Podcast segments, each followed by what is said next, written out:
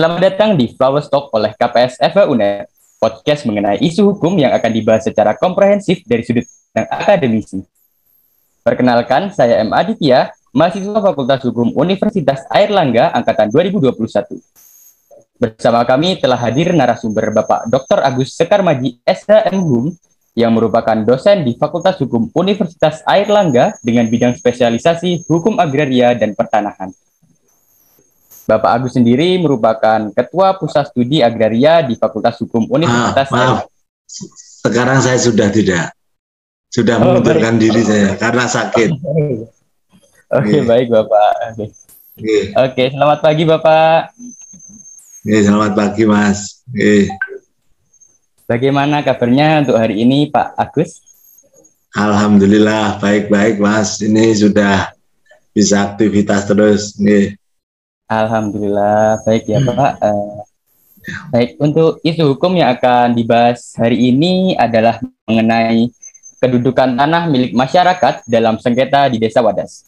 Seperti yang kita tahu di awal bulan Februari 2022 terdapat sebuah konflik antara warga dengan aparat di Desa Wadas Purworejo, Jawa Tengah. Hal tersebut ditengarai karena adanya pengukuran tanah oleh pemerintah yang menyebabkan ricuh karena adanya aparat dalam jumlah besar untuk mengintimidasi warga Wadas dalam pengukuran tanah tersebut. Namun, ditilik lebih jauh lagi pada pertengahan tahun 2021, konflik Wadas telah berkecamuk saat ketidaksetujuan warga terhadap penambangan andesit sebagai material pembangunan bendungan bener sebagai salah satu proyek strategis nasional. Warga menilai bahwa penambangan andesit akan merusak lingkungan yang ada di Desa Wadas. Nah, saat ini uh, kami memiliki beberapa pertanyaan untuk Bapak Agus selaku narasumber ya, Pak. Ya, siap, monggo. Baik, uh, untuk pertanyaan pertama yaitu berdasarkan Undang-Undang Nomor 2 Tahun 2012 tentang pengadaan tanah untuk kepentingan umum, dalam pasal 4 junto pasal 10 disebutkan bahwa salah satu objek pengadaan tanah untuk kepentingan umum adalah waduk atau bendungan. Uh, apakah hal ini berarti tindakan pemerintah untuk memaksakan pengadaan tanah di desa Wadas uh, dalam hal ini untuk membangun bendungan benar itu adalah hal yang tepat menurut Pak Agus? Jadi begini Mas, tadi Mas Mas Aditya telah menyampaikan adanya Undang-Undang Nomor 2 Tahun 2012. Perlu saya sampaikan Undang-Undang Nomor 2 Tahun 2012 itu adalah undang-undang terkait pengadaan tanah untuk kepentingan umum. Jadi yang harus digarisbawahi adalah bahwa itu untuk kepentingan umum. Nah, di dalam kaitannya dengan kepentingan umum itu, maka di situ sudah ada di dalam pasal sebelumnya termasuk kegiatan apa saja yang masuk kepentingan umum, maka salah satunya adalah bendungan atau waduk. Nah, di dalam kaitannya dengan bendungan bener ini, maka memang dari sisi hukum pengadaan tanah masuk pada pengadaan tanah untuk kepentingan umum. Nah, di sisi lain, Mas, kalau saudara mengetahui bahwa pengadaan tanah itu juga ada selain kepentingan umum.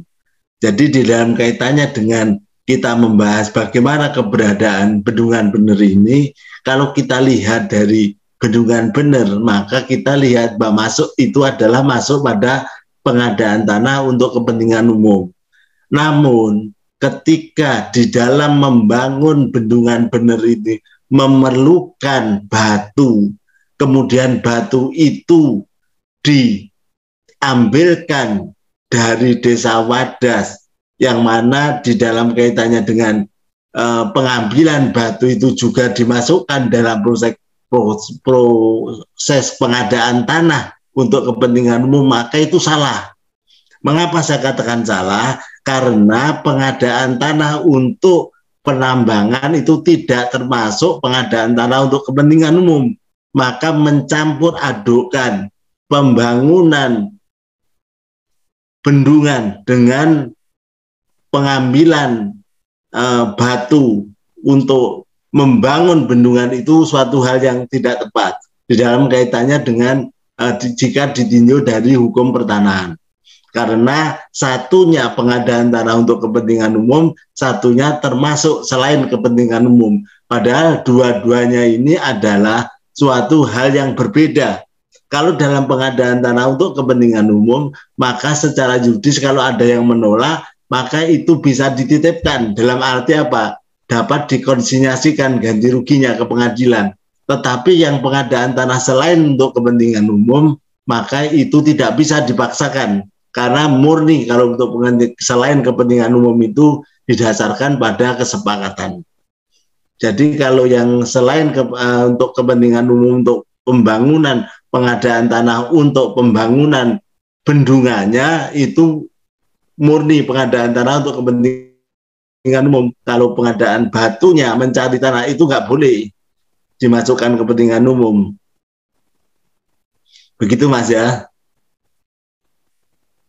Oke, baik Bapak. Uh, uh, lalu bagaimana ya Pak harusnya prosedur yang harusnya ditempuh pemerintah dalam usaha pengadaan tanah ini uh, mengingatkan bendungan bener ini juga membutuhkan batuan andesit yang terdapat di desa Wadas itu. Nah, juga mengingat dalam hal ini uh, warga Wadas itu menolak Pak dan para aktivis lingkungan juga karena wilayah Wadas ini juga didominasi oleh lahan pertanian. Begitu Bapak. Ya, makanya tadi saya katakan Mas, kalau di dalam kaitannya dengan pembangunan bendungan uh, waduk tadi Mas ya atau bendungan bener tadi ya, itu memang mekanismenya sebenarnya pemerintah harus membedakan ketika melakukan pengadaan tanah. Hati-hati loh Mas ya. Pengadaan tanah kita harus bicara mengenai konsep pengadaan tanah itu sendiri. Apa sih pengadaan tanah? Pengadaan tanah itu segala upaya untuk memperoleh tanah. Guna apa? Menyediakan tanah untuk kepentingan umum tadi dalam kaitannya itu. Nah, terkait masalah pembangunan tadi, pengadaan tanah tadi yang diperuntukkan bagi pembangunan bendungan banner, maka itu sudah kepentingan umum. Oleh karena masuk kepentingan umum, maka tahap-tahap pengadaan tanahnya juga dilakukan. Apa di situ ada empat tahap yang harus dilakukan, yaitu pertama tahap perencanaan, tahap persiapan, tahap pelaksanaan, dan keempat tahap penyerahan hasil itu adalah tahap-tahap dalam pengadaan tanah. Sehingga apa? Si pihak instansi pemerintah yang uh, melakukan pengadaan tanah itu nanti akan mendapatkan hak atas tanah. Nah, hak atas tanah itu untuk apa? Ya, salah satunya tadi untuk membangun bendungan benar itu. Tetapi kalau pengadaan tanah untuk mencari batu, untuk mencari tambang batu, itu nggak benar karena perizinannya berbeda. Kalau pengadaan tanah untuk kepentingan umum maka harus ada penetapan lokasi. Nah, sedangkan pengadaan tanah untuk tambang maka harus ada apa? izin pertambangan. Jadi ini suatu hal yang berbeda dari konsep hukumnya. Satunya pengadaan tanah, satunya untuk penambang pertambangan. Sehingga perizinannya juga seharusnya beda. Jadi kalau pengadaan tanah untuk pembangunan untuk kepentingan umum itu instansi memerlukan tanah, bukan mencari batu di tambang, itu beda. Ingat ya, apa yang dimaksud dengan tanah? Berdasarkan pada pasal 4 ayat 1, yang dimaksud tanah itu adalah permukaan bumi. Nah, sedangkan ketika kita sudah mendapatkan hak atas tanah, maka wewenang kita apa? Pasal 4 ayat 2, menggunakan tanah tersebut demikian pula tubuh bumi serta air dan serta dan ruang eh, ruang di atasnya sekedar berkaitan dengan penggunaan tanah. Jadi kita tidak boleh melepaskan penggunaan penggunaan ruang di bawah itu yang tidak terkait dengan penggunaan di atasnya. Nah ini kan berbeda suatu tempat yang berbeda, Mas. Satunya pengadaan tanah dalam kaitannya dengan uh, untuk memang untuk memperoleh tanah, satunya niatnya untuk mencari batu. Kalau untuk mencari batu sebenarnya tidak mekanisme pengadaan tanah, berbeda itu, tetapi izin pertambangan. Bisa dipahami penjelasan saya? Ah, bisa Bapak, sangat bisa sekali. Yeah. Uh, lalu uh, apakah Bapak uh, ingin berkomentar terkait izin pertambangan itu Pak yang keluar uh, atas perintah dari Gubernur Jawa Tengah itu sendiri Bapak? Baik Mas ya, sebenarnya namanya izin itu ya itu sepanjang sesuai dengan rencana tata ruang. Ya kalau memang itu mau diajarkan izin pertambangan, maka itu jangan dijadikan satu dengan pengadaan tanahnya. Bisa dipahami ya, karena pengadaan tanah untuk kepentingan umum tidak bisa digunakan untuk memaksa pengadaan tanah yang dalam, eh, dalam kaitannya punya niat mencari batu itu berbeda. Jadi pengadaan tanah diperlukan izin pengadaan penetapan lokasi, sedangkan izin pertambangan, uh, sedangkan uh, apa upaya untuk melakukan pertambangan diperlukan izin pertambangan. Nah terkait masalah izinnya tadi, sepanjang izin itu sesuai dengan rencana tata ruang tidak masalah. Jadi di, terkait masalah izinnya tidak ada masalah mas sepanjang loh ya sekali lagi sepanjang sesuai dengan rencana tata ruang. Namun kegiatannya ketika melakukan suatu kegiatan itu harus disesuaikan dengan kebutuhannya. Kalau satunya ada izin pertama uh, untuk uh, untuk mencari tambang batu, ya keluarlah izin pertambangan. Kalau niatnya mencari tanah, ya pengadaan tanah, namanya penetapan lokasi. Jadi itu harus dibedakan. Nah, masalahnya itu mengapa menjadi jam apa menjadi kacau karena dari sisi hukum itu terjadi pencampur aduan antara pengadaan tanah untuk kepentingan umum dan kegiatan pertambangan yang tidak termasuk kepentingan umum. Bisa dipahami penjelasan saya kira itu yang saya sampaikan.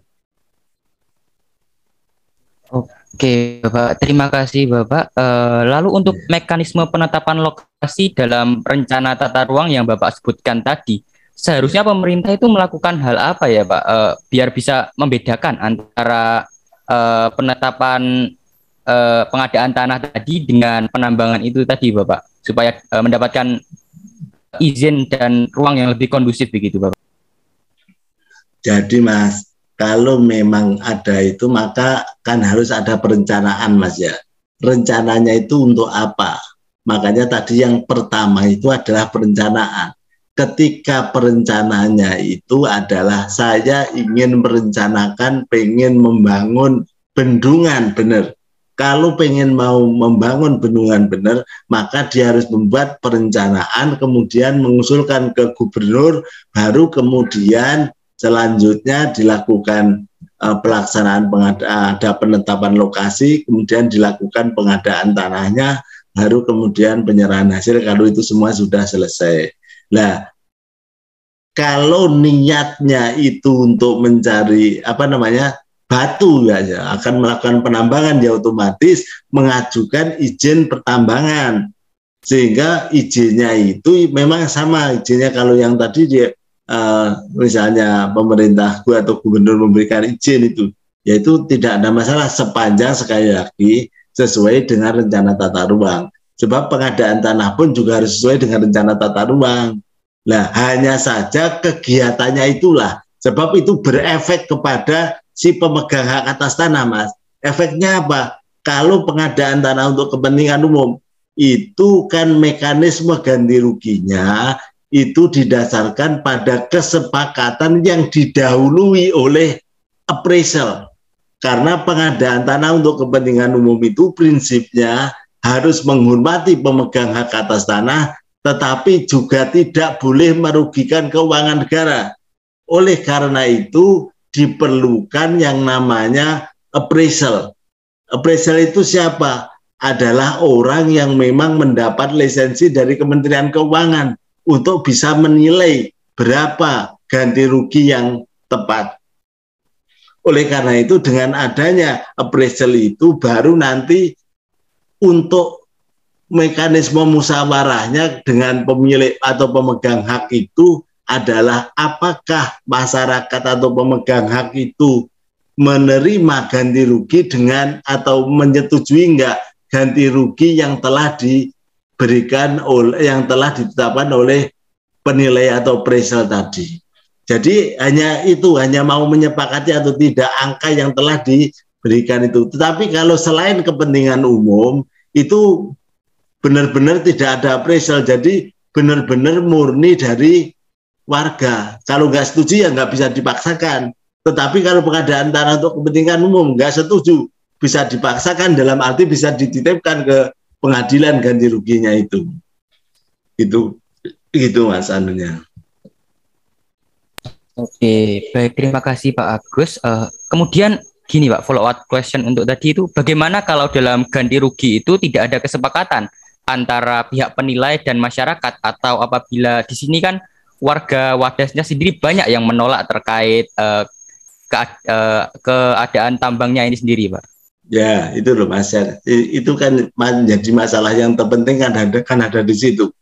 Kalau itu pengadaan tanah untuk kepentingan umum, tadi saya bagaimana saya sampaikan, itu bisa dipaksakan dititipkan ke pengadilan. Tetapi kalau itu bukan untuk kepentingan umum, maka tidak bisa dipaksakan.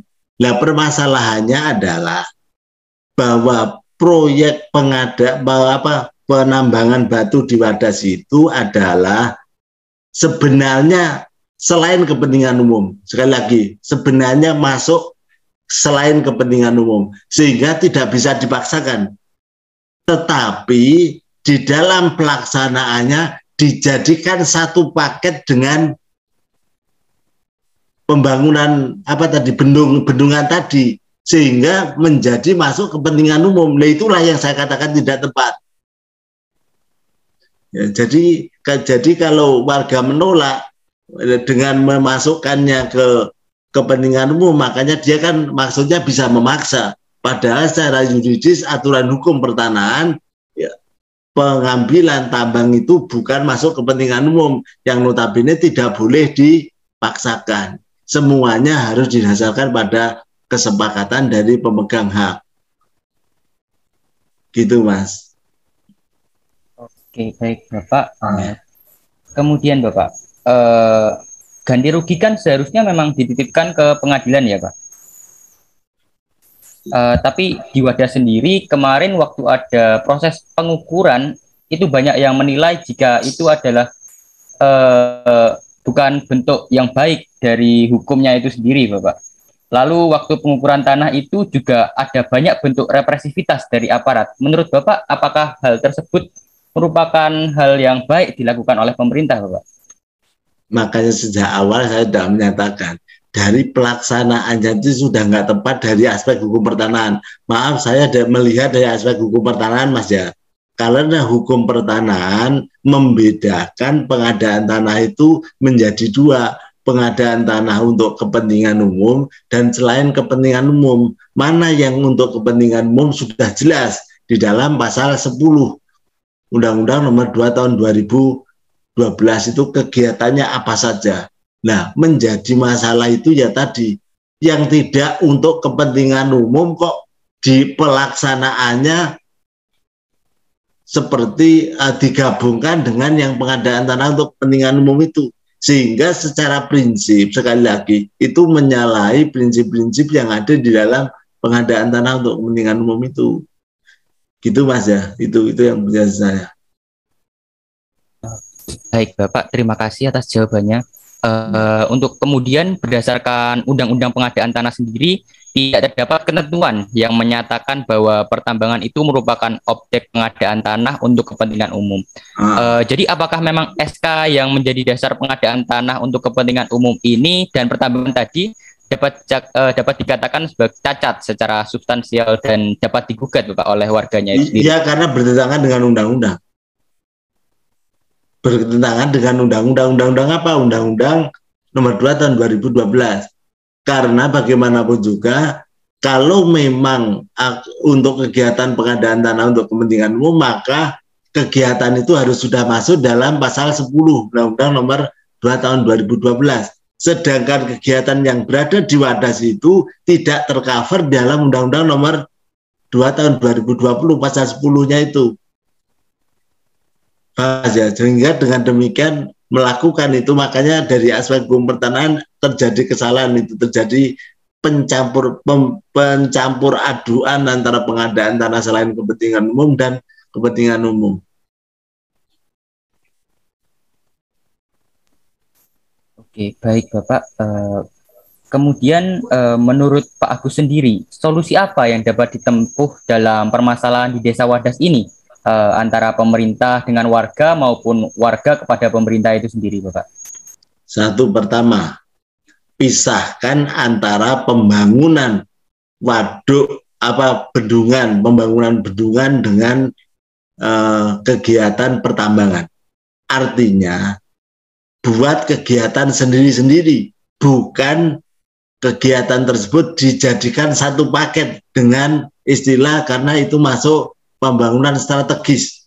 Ya, karena strategis itu sebenarnya yang strategis itu kan pembangunan waduknya. Karena apa? Dengan waduk itu akan mendukung kesejahteraan rakyat, kemudian juga eh, pendapatan masyarakat akan eh, meningkat ya. Karena apa? Akan dapat mengairi sekian ribu hektar sawah misalnya. Nah itu kan karena strategis yang strategis itu sebenarnya adalah pembangunan waduknya itu atau bang, pembangunan bendungan bendungannya itu bukan penggaliannya mencari batunya untuk membangun ya. Ya oleh karena itu harus dipisahkan itu kegiatan itu. Karena itu terkait masalah dalam kaitannya mencari batu tidak harus juga proses pengadaan uh, tanah. Tetapi kan cari batu di tempat lain kan juga ada yang tanpa melakukan pengadaan tanah Sebab membangun bagaimanapun juga membangun yang diperlukan batu itu banyak sekali seperti eh, tempat-tempat uh, yang lain dan tidak harus melakukan pembebasan tanah yang ada di di situ memang tidak harus itu.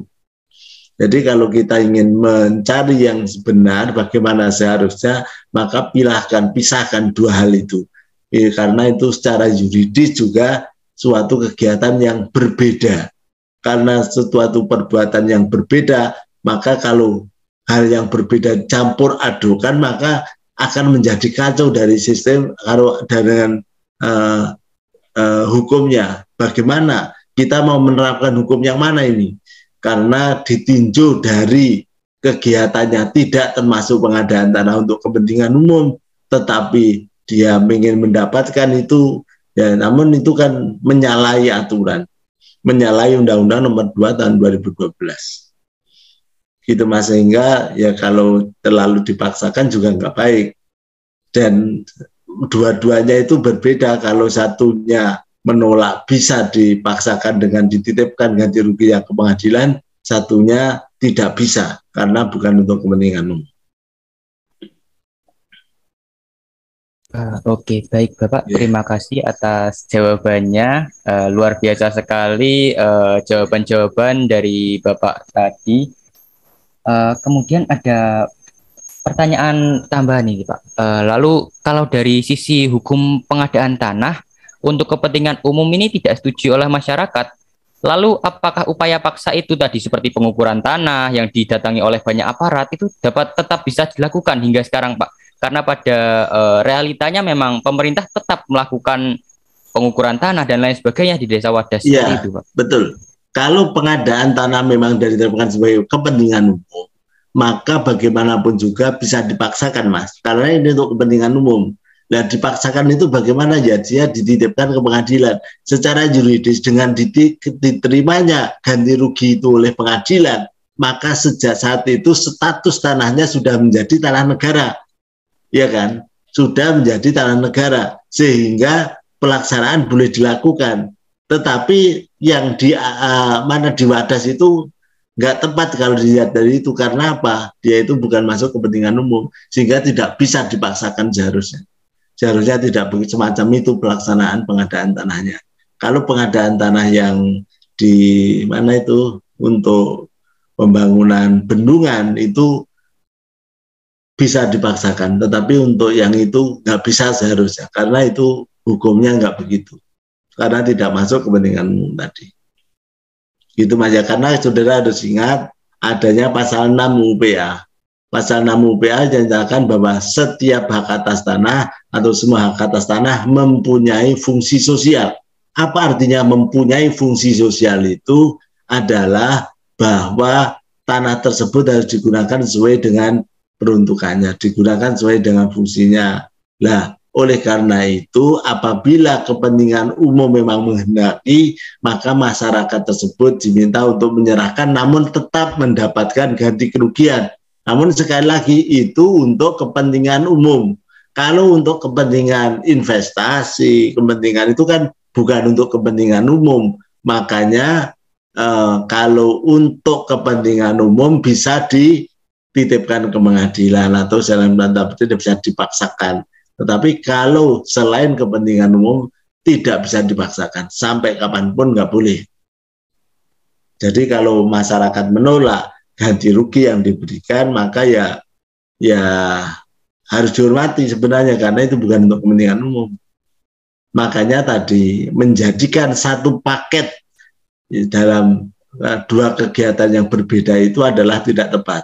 Makanya sejak awal saya sarankan pisahkan dua kegiatan itu sehingga akan lebih tenang masyarakat. Satunya untuk uh, membangun itu dengan pengadaan tanah untuk kepentingan umum, satunya selain kepentingan umum. Gitu, Mas.